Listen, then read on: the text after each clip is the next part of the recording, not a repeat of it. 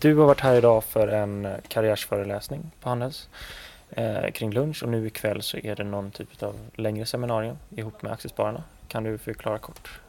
Ja, men det vi ville göra kring lunchen var att träffa studenter som idag läser ekonomi, kanske med inriktning mot finansiering eller finans eller redovisning och drömmer om en karriär i finansbranschen. För det finns ett antal saker som man bör tänka på när man går in i, en sån här, i ett sånt karriärsval. Och vi har ju varit tre personer, Joakim Bornold från Stockholmsbörsen, Erik Lidén från Insider Fonder och jag själv, som har tre helt olika bakgrunder men har närmat oss finansbranschen från olika håll. Och då vill vi ge lite olika perspektiv på vad var det vi tänkte när vi satt i skolan skolbänken. Vad var det vi ångrade? Vad skulle vi vilja göra mer av? Eh, och hur bör man agera om man vill ta sig in på den finansmarknad där det är ganska trångt om, om eh, jobb faktiskt till följd av att finansmarknaden automatiseras i rätt hög utsträckning och det är en global konkurrens som försvårar jobbmöjligheten. Några korta sådana förslag på hur ska man agera? Ja, men I grund och botten så finns det en stress över att eh, läsa väldigt eh, mycket under utbildningen. Eh, inte minst när det gäller dubbelexamen och försöka prestera bra betyg och leverera på topp i det akademiska. Och det där är ingen genväg in i finansbranschen utan det man ofta söker efter det är människor med driv. Inte drivet att läsa böcker och försöka prestera högsta resultat på en tenta utan snarare på att skapa största möjliga mängd nytta åt en mängd människor som är intresserade av det området som, som finans är. Så att eh, mina tips där är att försöka engagera dig. Var med i börsgruppen, var med i Unga Aktiesparare, engagera dig i studentkåren, öva dig på ledarskap. Försök hitta det du älskar, för det är först när du älskar någonting som du kommer kunna märka att du kan lägga ner all den tid som det krävs för att bli riktigt framgångsrik. Precis som inom idrotten så är det sällan liksom slump eller bara talang som leder fram till framgång. Utan det är ofta väldigt hårt arbete. Och det gäller ju även inom, inom den här branschen. Och det gäller att man har fantastiskt kul för då märker man inte av att det tar så lång tid. Mm. Eh, du pratade lite under lunchen um, om att mycket i finansbranschen handlar om just förtroende. Ehm, hur ser förtroendet för finansbranschen i sig ut idag? Skulle du säga? För, förtroendet är generellt sett eh, lågt för finansbranschen. Det är många som ifrågasätter eh, branschens nödvändighet och vilka avgifter man tar ut och rekommenderar man verkligen rätt typ av produkter. Och det här är ju en av de frågorna som jag har velat gå in och agera i. För jag tycker att det är viktigt att man sållar ut det goda från det onda på marknaden. För allt är inte ont. Det finns mycket gott där ute att välja mellan. Eh, så det handlar om en upplysningsfråga. Sen gör ju den här branschen, om vi tittar på finansbranschen, precis som alla andra branscher, man gör saker och ting mer komplicerat än vad det egentligen är. Mm. Det gäller ju även läkare och det gäller snickare och så vidare. Varför tror du man gör det? Nej, men man vill ju göra skäl för sin lön och då hittar man på sina egna fackspråk och exkluderar andra människor för att visa att mina kunskaper är minsann väldigt mycket värda. Men just inom finansbranschen så handlar det om väldigt mycket pengar när de här fikusspråket sätter igång och man försöker dribbla bort sina, sina kunder och klienter. Eh, och det har nog att göra med att vi jobbar med råvaran pengar. Mm. För att är man en läkare så är det svårare att komma åt de här enorma beloppen. Men mm. sitter man som fondförvaltare och så kan man ta ut en avgift på 1,4 procent, vilket låter billigt. Eh, för det är ju bara 1,4 procent av kapitalet, det är ju nästan ingenting. Och sen börjar man räkna Räkna på det år ut och år in och se vilka otroliga summor det blir. Så det handlar ju om, om eh, att det finns tillgång på pengar och det är det som gör det lättare att bli blåst. Sen är många också ganska oengagerade när det kommer till de ekonomiska valen. Inte minst de allra mest långsiktiga ekonomiska valen. Då pratar vi till exempel om pensionssparandet. Det är verkligen lågt intresse hos de allra flesta fram tills man fyller 50-55 år. Och då är det klart att det är väldigt lätt att ta en 30-åring och spela på ett dåligt samvete och sälja in en pensionslösning där man för de kommande 35-40 åren kan tanka kunden på avgifter. Så att lite, lite mer kunskaper inom det här området så kan man som privatperson tjäna väldigt mycket pengar på att välja bort de sämsta alternativen. Mm. Uh, och du visade under lunchföreläsningen, eller ni demonstrerade en Nordnet-produkt som är en typ av socialt nätverk som heter Shareville. Uh, där man kan se varandras uh, procentuella innehav i ens portfölj som man har. Och du gav ett exempel på hur din portfölj såg ut för att din, ditt resonemang var att man ska visa sig vad man själv har om man pratar med andra om vad de kanske ska ha. Där hade du exempel Lundin Petroleum. Um, hur ser du på det? Att det är ett bolag som har tidigare varit föremål för ganska mycket kritik gällande mänskliga rättigheter så här, i Ogaden, provinsen och sådär. Hur kan finansbranschen vara etisk? Absolut, och, och tittar vi på Lundin Petroleum så ska man komma ihåg att det här är i princip ett helägt norskt bolag. Eh, deras överlägset största tillgångar finns i Norge. Sen finns det det gamla bolaget Lundin Oil där man har varit verksam i mer politiskt känsliga eh, regioner. Bolag som är verksamma i de regionerna, där är det behäftat med väldigt höga politiska risker mm. eftersom eh, man navigerar i ett landskap där det inte finns demokrati. Mm. Och den typen av investeringar undviker jag, dels som en konsekvens av svårigheten att bedöma risker och de finansiella osäkerheter som kommer därav. Men sen kan man ju också tänka på liksom de vidare riskerna för brott mot till exempel mänskliga rättigheter. Nu finns det inget som styrker det i det här fallet, ingen har blivit eh, åtalad skillnad. Men jag, som investerare så försöker jag undvika den typen av bolag. Och just nu, Lundin Petroleum är ett norskt bolag med sin stora fyndighet Johan Sverdrup i, i Norge. Och där bedömer jag politiska riskerna som visserligen rätt, rätt höga men inte närmelsevis mot vad vi har i, nere i Afrika.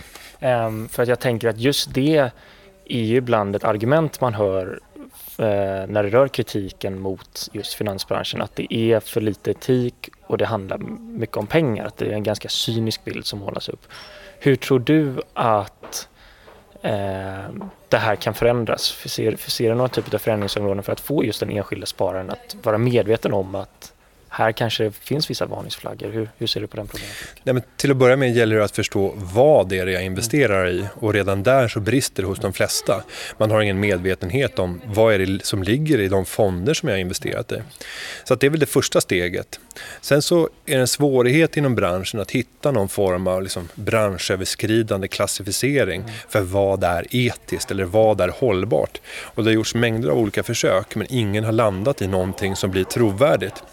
Tittar vi just på etiskt sparande så finns det några huvudgrupper och då är det ena att man exkluderar bolag inom vissa branscher som man inte tycker är etiska. Sen finns det en annan typ av urval där man bara plockar ut den bästa i klassen. Så du kan äga bolag som ägnar sig åt miljöförstörande verksamhet men du äger det bästa bolaget som gör mest givet de förutsättningar som de verkar Och det finns mängder av andra modeller. Och problemet för spararen är att man aldrig vet om man inte sätter sig in och börjar läsa ordentligt så kommer man aldrig förstå exakt hur det fungerar. Så här behöver branschen göra liksom krafttag och kanske titta på andra branscher för hur man jobbar och hur man kommunicerar. För jag tror att vi kan hämta inspiration från flera andra källor. Och du rörde lite vid det där att, eh, hur man som enskild investerare, att man vet vad man investerar i. Sådär. Jag är själv inte jätteinsatt. Jag har handlat lite grann sådär, eh, men får väl ändå kallas som lekman i det här eh, sammanhanget. Ehm, man hör ibland om folk som använder rent matematiska modeller och program för att förstå hur en, när man ska köpa en aktie, man tittar på rörelser och sannolikhet för huruvida den ska gå upp eller ner. Eller så finns det en approach med lite mjukare värden, man tittar på affärsidé och ledning och så här. Hur, hur tänker du kring det?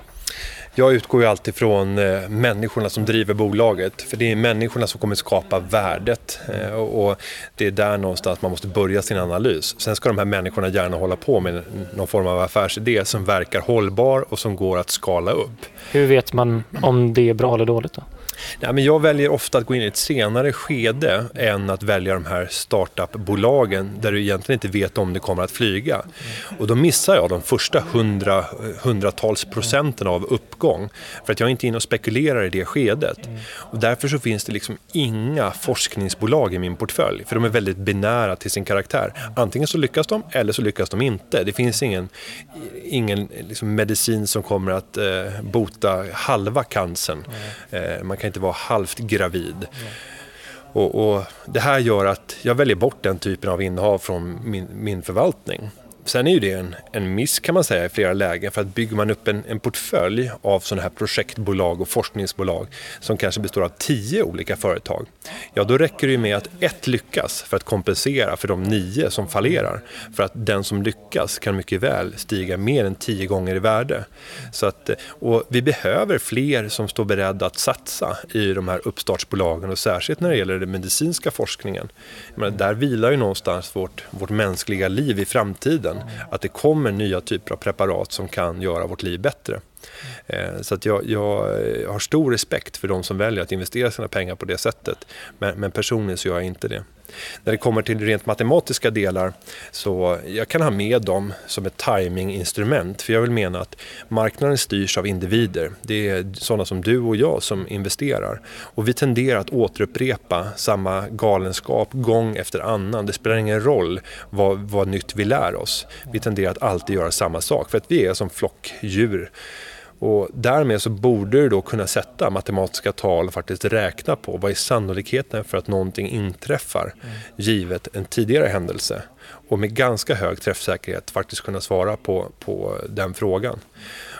Men i grund och botten så är det nog inte mer träffsäkra analyser än de väderprognoserna som man gör när man tittar ut och ser vad har vi för väder idag. Mm. Ja, I Göteborg idag så var det faktiskt strålande sol, det blåste lite grann en 8 eh, till 12 grader varmt. Ska vi gissa imorgon så är det sannolikt att det blir ungefär som idag. Mm. Och samma sak gäller på börsen. För vi har, vi har en tendens att börsen återupprepar det mönstret man är inne i. Både i fallande och i stigande trend. Och det är det man kallar för att vi får starka trender på börsen. Mm. Så det, går att, det går att utnyttja men jag använder aldrig det som ett urvalskriterie utan bara som ett timinginstrument. Du nämnde också på lunchföreläsningen att du ser tendenser till överhettning på börsen. Kan du förklara varför? Ja, men en sån där extremt tydlig signal utöver att värderingen just nu är uppe på rekordnivåer, vilket den också ska vara givet den lägre räntan. Men en sån faktor är att intresset för sparande är skyhögt. Jag menar, vi stängde, nu när jag ska hålla den här föreläsningen på, på Handels här om, om, om en stund, så stängde vi anmälan för över en vecka sedan och det är över 370 anmälda. Alltså det om något tyder på att det är överhettat just nu. När jag ser tillbaka på när jag kom in på Nordnet 2012 så brukade vi ligga på 100-150 nya kunder per dag. Idag så ligger vi ja, mellan 400 och 500 nya kunder per dag. Så det är ett extremt högt intresse. Tittar vi tillbaka historiskt så har alla de här topparna, topparna av extremt sparintresse och investeringsintresse det har, för, eller, eh, har, har, faktiskt varit någonting som har varit en tydlig signal om att vi snart når toppen.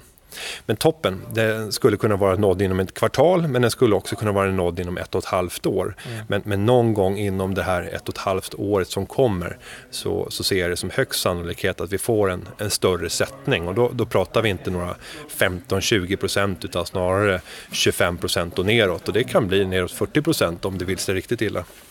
Eh, och så en sista fråga. Under lunchföreläsningen, då, så vi var i Volvosalen, eh, så var det två kvinnor på plats tror jag. Eh, vilket kan vara lite talande för en relativt mansdominerad bransch. Hur tänker du kring det? Hur får man in med fler kvinnor i det här? Ja, men det behövs fler förebilder. Mm. För att det är det som jag tror kommer, kommer skapa intresset för att välja en, karriärsbana inom finans. Och jag tycks mig se att det börjar förändras. Om jag tittar på den bank som jag själv kommer ifrån, Nordnet Bank. Jag menar, vår Sverigechef, eh, hon är kvinna. Mm. Och eh, halva ledningen, eller mer, det är nog 60 eller 70 procent av ledningen i Sverige är mm. kvinnor. Så att jag märker en tydlig förändring. Så här hade det inte sett ut för tio år sedan. Men det är fortfarande mycket, mycket långt kvar. Sen är det klart att en, en karriär inom finansbranschen det innebär också ofta väldigt många timmar. Mm. Och när man kommer in i eh, ett skede av familjebildning så kommer det att vara svårt att förena det med det så säga, klassiska livet som man då kanske har tillsammans med, med sin familj och vill ägna mer uppmärksamhet åt sina barn.